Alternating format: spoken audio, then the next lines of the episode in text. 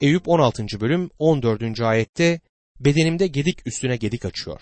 Dev gibi üzerime saldırıyor diyor. Tanrı'nın onun üzerinde bir dev gibi aşağıya yukarıya yürüdüğünü söyler. Eyüp Tanrı'nın kendisini bir paspas haline getirdiğini düşünmektedir. Eyüp durumun anlaşılması için burada bize çok canlı bir resim sunmaktadır. Geçmişin büyük yazarları, romancıları, şairleri, deneme yazarları Eyüp kitabını tekrar tekrar okumuşlardır. Bu kitabın dili harikadır, tanımları görkemlidir. Sizin bir parçanız oluncaya dek onu okumanızı size öneririm. Burada kullanılan dilin güzelliği harikadır. Eyüp 16. bölüm 15 ve 16. ayetlerde giymek için çul diktim. Gururumu ayak altına aldım. Ağlamaktan yüzüm kızardı, gözlerimin altı morardı diyor. Eyüp'ün ölüme ne kadar yakın olduğuna dikkat edin. Onu hem arzuluyor hem de ölümden kaçıyordu. Bütün bu zaman boyunca ölümün eşiğindeydi. Bence her an ölebileceğini düşünüyordu. Hasta hem de çok hasta bir durumdaydı. Eyüp 16. bölüm 17. ayette yine de ellerim şiddetten uzak, duam içtendir diyor. Şimdi Eyüp'ün yüreğinde ve yaşamında olan ve ele alınması gereken bir şeyin su yüzüne çıktığını görüyoruz. Arkadaşları onu kendi kendini yargılayabileceği bir noktaya getirmiyorlardı. Bunun yerine aslında kendinde bir savunma ruhunu kışkırtmışlardı. Eyüp kendini savunmaya başladığı an Tanrı'ya zarar vermeye de başlar. Eyüp Tanrı'yı haklı çıkartacak yerde kendini haklı çıkartma çabası içerisine girer. Sorun dostlarının onu kendi kendisini yargılamaya götürmek yerine kendilerinin onu yargılamalarıydı. Ona yanlış bir şekilde yaklaşıyorlardı.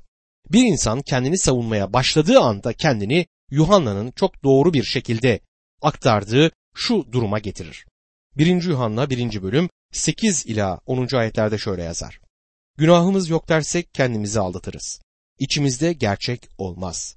Günah işlemedik dersek onu yalancı durumuna düşürmüş oluruz. Onun sözü içimizde olmaz. Bu Tanrı'yı bir yalancı durumuna koymaktır. Tanrı'yı suçlanan kişi yapar. Tanrı'yı yargıç olma konumundan alıp onu bir suçlu konumuna getirir. O zaman kişi Tanrı'yı suçlama eğilimine girer. Aslında oturup Tanrı'yı yargılayan birçok insan var. Burada da Eyüp'ün gerçekte yaptığı budur. Ellerim şiddetten uzaktır dediğinde aynı zamanda Tanrı'nın bunun başına gelmesine izin vermekte hata yaptığını söylemektedir. Eyüp duam içtendir diyor. Aynı cümleyi Mesih inanlarının ağzından duyuyorum. Dostum herhangi birinin içten arı bir dua edebileceğinden şüpheliyim. Bu yüzden her zaman Rabbe bunu İsa'nın ismiyle istiyorum derim. Çünkü uğur olarak tek başına oraya ulaşamam. Eyüp'ün tek başına ulaşamadığı gibi. Eyüp 16.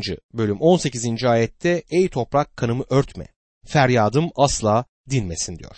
Eyüp şimdi muhteşem bir dille yakarmaktadır. Toprağın kanının örtmesini ister. Eğer Habil'in kanı Tanrı'ya yakardıysa Eyüp kesinlikle kendi kanının Tanrı'ya yakarması gerektiğini düşünmüştü. Dostum Tanrı kanı örtmez ve Tanrı Mesih'in akıttığı kanı görür. Özellikle onu reddettiğimizde. Eyüp 16. bölüm 19. ayette daha şimdiden tanığım göklerde, beni savunan yücelerdedir diyor. Kutsal kitap boyunca Tanrı'nın yaptıklarımızı kaydettiği öğretilir. Günümüzde bu tür düşüncelerle alay etmekten hoşlananlar var. Tanrı'nın göklerde bir masada oturmuş, defterler tuttuğunu düşünebiliyor musunuz derler. Dostum kim onun defter tuttuğunu söylüyor. Tanrı'nın bunu yapmaya ihtiyacı yok. İnsan sadece insan olduğu halde adına bilgisayar denilen küçük bir makina yapabiliyorsa, Tanrı'nın bizim düşüncelerimizin ve hatta her şeyin ötesinde bir kayıt tutma sistemi olduğunu düşünmüyor musunuz? Ben hayatımız boyunca söylediğimiz her şeyin ve yaptığımız her şeyin kaydedildiği düşüncesindeyim. Sizi bilmem ama ben benim hakkımdaki kayıtları görmeyi hiçbir zaman istemem. Bir kısmının İsa Mesih'in kanıyla silindiğinden ötürü çok mutluyum. Bundan ötürü Tanrı'ya şükürler olsun. Eyüp 16. bölüm 20. ayette dostlarım benimle eğleniyor. Gözlerim Tanrı'ya yaş döküyor diyor Eyüp. Bu Eyüp'ün gözlerinden yaşlar süzülürken yalnız bir yerde oturduğunu gösteren resimdir. Arkadaşları etrafında durup ona alaycı gözlerle bakıyor ve ona iki yüzlü diyor ve onu bir yalancı olmakla suçluyorlar. Onu tanımıyorlar, Tanrı'yı tanımıyorlar ve aynı zamanda kendilerini de tanımıyorlar. Eyüp 16. bölüm 21. ayette Tanrı kendisiyle insan arasında, insanoğluyla komşusu arasında hak arasın diye söze giriyor Eyüp. Bu Eyüp'ün yakarışlarından bir başkasıdır. İnanların bir aracıları olduğunu bilmeleri gerçekten harikadır. Bizlerin kendimizi Tanrı'nın önünde temsil eden bir avukatımızın olduğunu bilmek harika. Bizim için her ayrıntının icabına bakılmıştır. Bizim için Tanrı'nın önünde yalvaran birisine sahibiz. 1. Timoteus 2. bölüm 5. ayette çünkü tek Tanrı ve Tanrı ile insanlar arasında tek aracı vardır der. Dostum eğer zaten sizin avukatınız değilse Mesih sizin avukatınız olmayı istemektedir. Eyüp 17. bölüm 1. ayette yaşama gücüm tükendi, günlerim kısaldı, mezar gözlüyor beni diyor. Eyüp ağız kokusu hakkında bir şeyler biliyordu. Üstelik o zamanlarda şimdiki gibi gargaralarda yoktu. Söylemek istediği çok hasta olduğuydu. Mezar onun için hazırdır. Bir ayağının mezarda olduğunu söyler. Ölmekte olduğunun farkındadır. Eyüp 17. bölüm 2. ayette çevremi alaycılar kuşatmış, gözümü onların aşağılamasıyla açıp kapıyorum diyor. Eyüp ölmek üzere arkadaşları etrafında durmuş onunla alay ediyorlar. Ne kadar ilginç bir manzara. Onu teselli etmeye gelmiş olan bu insanlar onunla tartışıyorlar ve onu suçluyorlar. Dostum nasırlaşmış bir Mesih inanlısı olup bu dünyanın zavallı günahkarlarına hiçbir yardımınız olmaması mümkündür. Sert sözlerin zamanı olduğunu kabul etmeliyiz. Tanrı Eyüp'le çok sert bir şekilde konuşacak ama aynı zamanda da onu teselli edecektir. Tanrı ona yardım edecek ve onu eski konumuna getirecektir. Keşke sizler ve ben Tanrı'nın bir yargı tanrısı olduğunu ama aynı zamanda bir merhamet ve lütuf tanrısı olduğunu anlayabilsek. Eyüp 17. bölüm 3. ayette Ey Tanrı kefilim ol kendine karşı. Başka kim var bana güvence verecek diyor. Eyüp hiç olmazsa Tanrı'nın kendisine kefil olmasını ister. Eyüp 17. bölüm 4 ve 5. ayetlerde çünkü onların aklını anlayışa kapadın. Bu yüzden onları zafere kavuşturmayacaksın. Para için dostlarını satan adamın çocuklarının gözünde feri söner diyor. Ve kendisine iltifat etmemeleri için yalvarıyor. Eyüp Tanrı'nın bu insanları kendisinden uzak tutması için yalvarır. Gelip kendisini yağmalamalarını istemiyor. Bu çizgide devam ediyor ve ölüm döşeğinde olduğu sonucuna varıyor. Eyüp 17. bölüm 13. ayette Ölüler diyarını evim diye gözlüyorsam, yatağımı karanlığa seriyorsam diyor. Şehrin dışındaki o çöplükten ayrılmayı beklemiyordu. Burasının ölüm döşeği olduğunu sanıyordu. Eyüp 17. bölüm 14 ila 16. ayetlerde çukura babam, kurda annem, kız kardeşim diyorsam umudum nerede? Kim benim için umut görebilir? Umut benimle ölüler diyarına mı inecek? Toprağa birlikte mi gireceğiz diyor. Çürüme ve yok olmanın kendisine annesi ve babasından daha yakın olduğunu söyler. Onlar kendisini dünyaya getirmişler ama şimdi kendisi ölüme onlardan daha yakındır. Bedeni o denli yorgun ve hastadır ki toprağa dönmeye Eyüp artık hazırdır. Eyüp 18. bölümde Bildat'ın ikinci konuşmasıyla karşılaşırız. Bu şimdi şu ahlı Bildat'ın ikinci konuşmasıdır. Başka bir deyişle bu onun yalansamasıdır. Katkıda bulunacağı hiçbir yeni şeyin olmayışı ilginçtir. Gelenekçi biri olduğunu hatırlarsınız.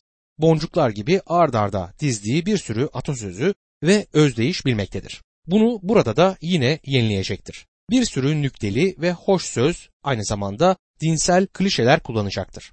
Bunlardan bazıları iyidir ama hiçbiri Eyüp'ün durumuna ışık tutmaz. Eyüp 18. bölüm 1 ila 3. ayetler arasında şu ahlı Bildat şöyle yanıtladı. Ne zaman bitecek bu sözler? Biraz anlayışlı olun da konuşalım. Niçin hayvan yerine konuyoruz? Gözünüzde aptal sayılıyoruz diyor. Çok açık bir şekilde tercüme edilirse Bildat, Eyüp eğer susarsan konuşabiliriz der. Konuşmayı bırakıp dinlemeye başlamalısın. Bizi dinlemen gerekirken hep sen konuşuyorsun diyor. Aslında hem Eyüp hem de arkadaşları konuşmayı bırakıp dinleyebilirlerdi ama bu sırada Tanrı'nın sesini duymaya hazır değillerdi. Tanrı Eyüp'ün sesini duymaya hazırlanmaktadır ve sonra Eyüp kendisini dinleyecektir. Bildat Eyüp'e neden kendisini küçümsediğini ve onun gözünde kötü olduklarını sorar. Yanıt bellidir. Kendilerinin Eyüp'e bakışları böyleydi. Bence bu noktada Eyüp'le arkadaşları arasında bir soğukluk olmasının nedeni budur. Sanıyorum ki bu tartışma boyunca birbirlerine yiyecekmiş gibi bakıyorlardı. Eyüp'ün arkadaşları olarak yanına gelen bu adamlar artık onun arkadaşları değildirler. Eyüp 18. bölüm 4. ayette sen kendini öfkenle paralıyorsun. Senin uğruna dünyadan vaz mı geçilecek? kayalar yerini mi değiştirecek diye sorar. Bildat Tanrı'nın evreni sana uygun olan biçimde yöneteceğini mi sanıyorsun diye sorar. Hatırlarsanız Bildat bir gelenekçiydi ve her şey için geçmişi temel almaktaydı. Geçmiş için geçerli olan her şeyin bugün içinde yeterli olduğunu düşünmekteydi. Kullandığı yöntem budur. Eyüp burada olup bitenleri anlayabilmemiz için bana bütün bunların anlamı hakkında hiçbir şey göstermeyecek misin diye sorar. Bizi yetersiz görerek küçümsemenin ve Tanrı'nın hayatında yaptığı şeylere karşı öfkelenmenin seni içinde bulunduğu kötü durumdan kurtaracağını mı sanıyorsun der aslında. Eyüp 18. bölüm 5. ayette evet kötünün ışığı sönecek, ateşinin alevi parlamayacak der. Bu çok doğru bir sözdür ama Eyüp'ün durumuna uymamaktadır. Eyüp 18. bölüm 6 ila 8. ayetler arasında çadırındaki ışık karanlığa dönecek. Yanındaki kandil sönecek. Adamlarının gücü zayıflayacak. Kurduğu düzene kendi düşecek. Ayakları onu ağa götürecek. Kendi ayağıyla tuzağa basacak diyor. Eyüp ağa yakalanmış bir balık gibisin ve bizim yapmış olduğumuz bir şeyden ötürü bunlar yaşanmadı. Bizler sözde sana yardım etmek için geldik ama sen bizi dinlemiyorsun. Bu durumdasın çünkü hayatında gizli bir günah var ve yaptıklarında bu tuzağa sen düştün diyor. Eyüp 18. bölüm 9 ve 10. ayetlerde topuğu kapana girecek, tuzak onu kapacak, toprağa gizlenmiş bir ilmek, yoluna koyulmuş bir kapan bekliyor onu diye devam eder. Tuzağa yakalanacaksın. Yemle oynadığın için bir ayı gibi tuzağa düşeceksin diyor. Eğer bu doğru olmasaydı yakalanmazdın diye kendi düşüncesini perçinlemeye çalışır.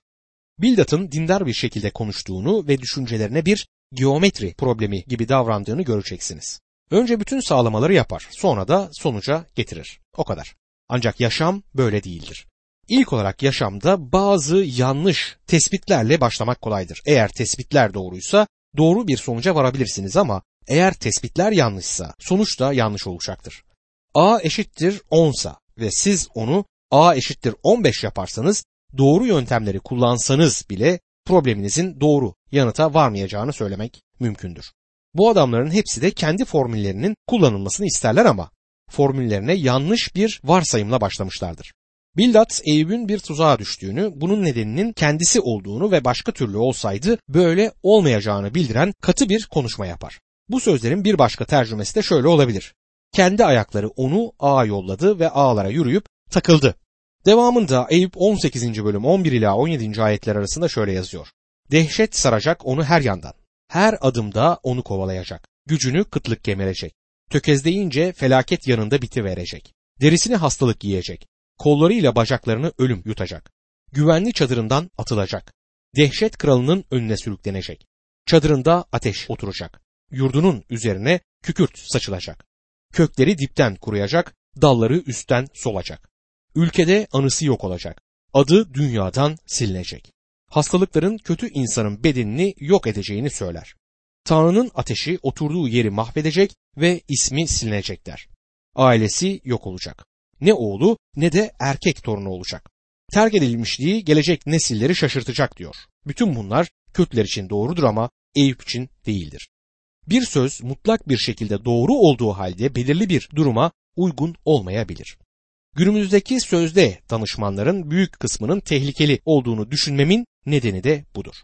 Birçok iyi Mesih inanlısı psikolog olduğunu düşünüyorum. Bazılarını tanıyorum ve onları insanlara önerebiliyorum.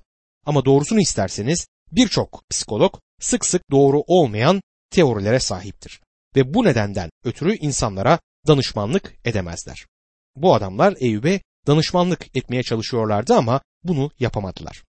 Bildat kötülerin yargılanacağını söylüyor. Kötüler silinecektir. Bu doğrudur. Zamanımızda Hitler, Stalin ve diğer diktatörlerin sonuna bakın. Yaşadıkları gibi öldüler. Bu söz doğru olduğu halde Eyüp hiçbir şekilde bu tür bir insan değildi. Eyüp 18. bölüm 18. ayette ışıktan karanlığa sürülecek, dünyadan kovulacak diye yazıyor. Bu kötüler hakkındaki mecazi bir konuşmadır ama Eyüp'e uymamaktadır. Eyüp 18. bölüm 19 ve 20. ayetlerde ne çocuğu ne torunu kalacak, halkı arasında yaşadığı yerde kimsesi kalmayacak. Batıdakiler onun yıkımına şaşacak. Doğudakiler dehşet içinde bakacak diyor. Her adam oğullar, kızlar ve torunlar ister. Bu bir gurur ve tatmin kaynağıdır. Bazen kötülerin herkesten çok çocuğu olduğunu biliyoruz. Bu noktada Eyüp'ün bir tane bile çocuğu kalmamıştır. Hepsi öldü. Bildat'ın Eyüp'le bu şekilde konuşması aslında çok zalimce. Daha sonra Tanrı'nın bütün bunların acısını çıkarıp Eyüp'e daha çok çocuk vereceğini göreceğiz. Eyüp 18. bölüm 21. ayette evet kötülerin yaşamı işte böyle son bulur. Tanrı'yı tanımayanların varacağı yer budur diyor. Bildat'ın kötülerin tanımını yaptığını görüyoruz. Kötülerin konumunu ve sonunu bildirir.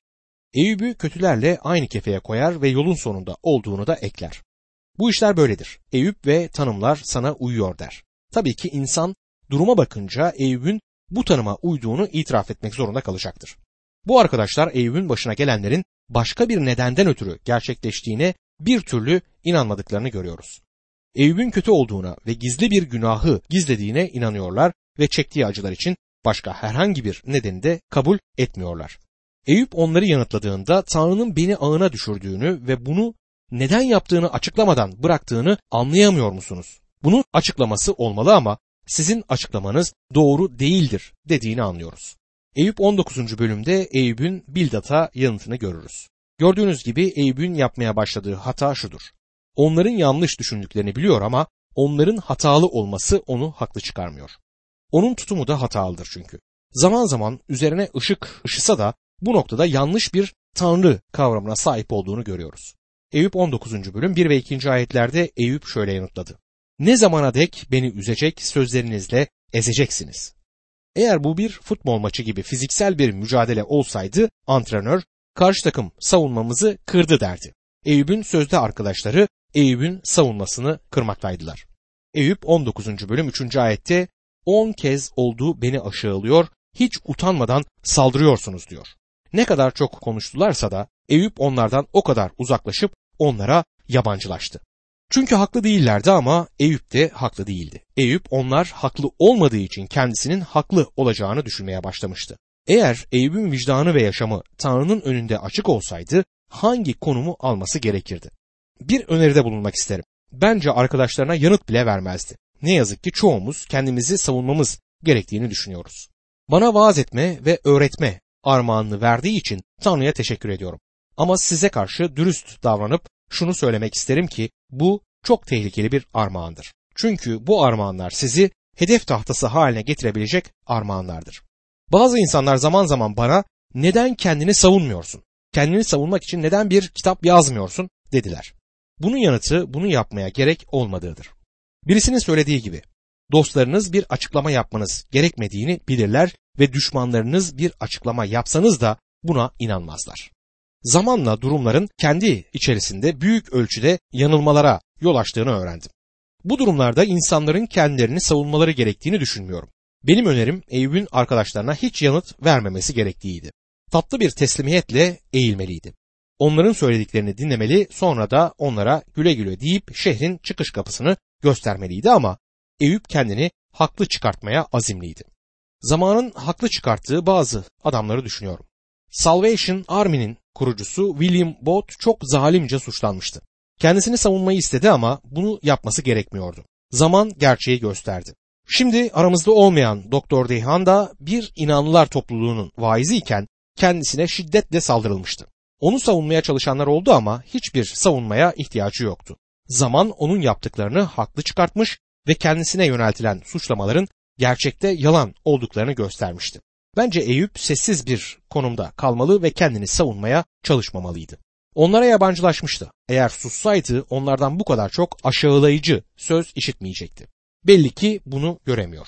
Eyüp 19. bölüm 4. ayette yanlış yola sapmışsam bu benim suçum diyor Eyüp. Bendeki suçu benden başka kimse bilmez diyor başka bir deyişle. Arkadaşları onun ne olduğunu söylemiyorlar ve kendisi de kendisinde bir suç varsa bunun bilincinde olmadığını ima ediyor. Birisi Rabbim bizleri kusursuz yaratmadığını, hatalarımıza karşı kör yaptığını söylemiştir.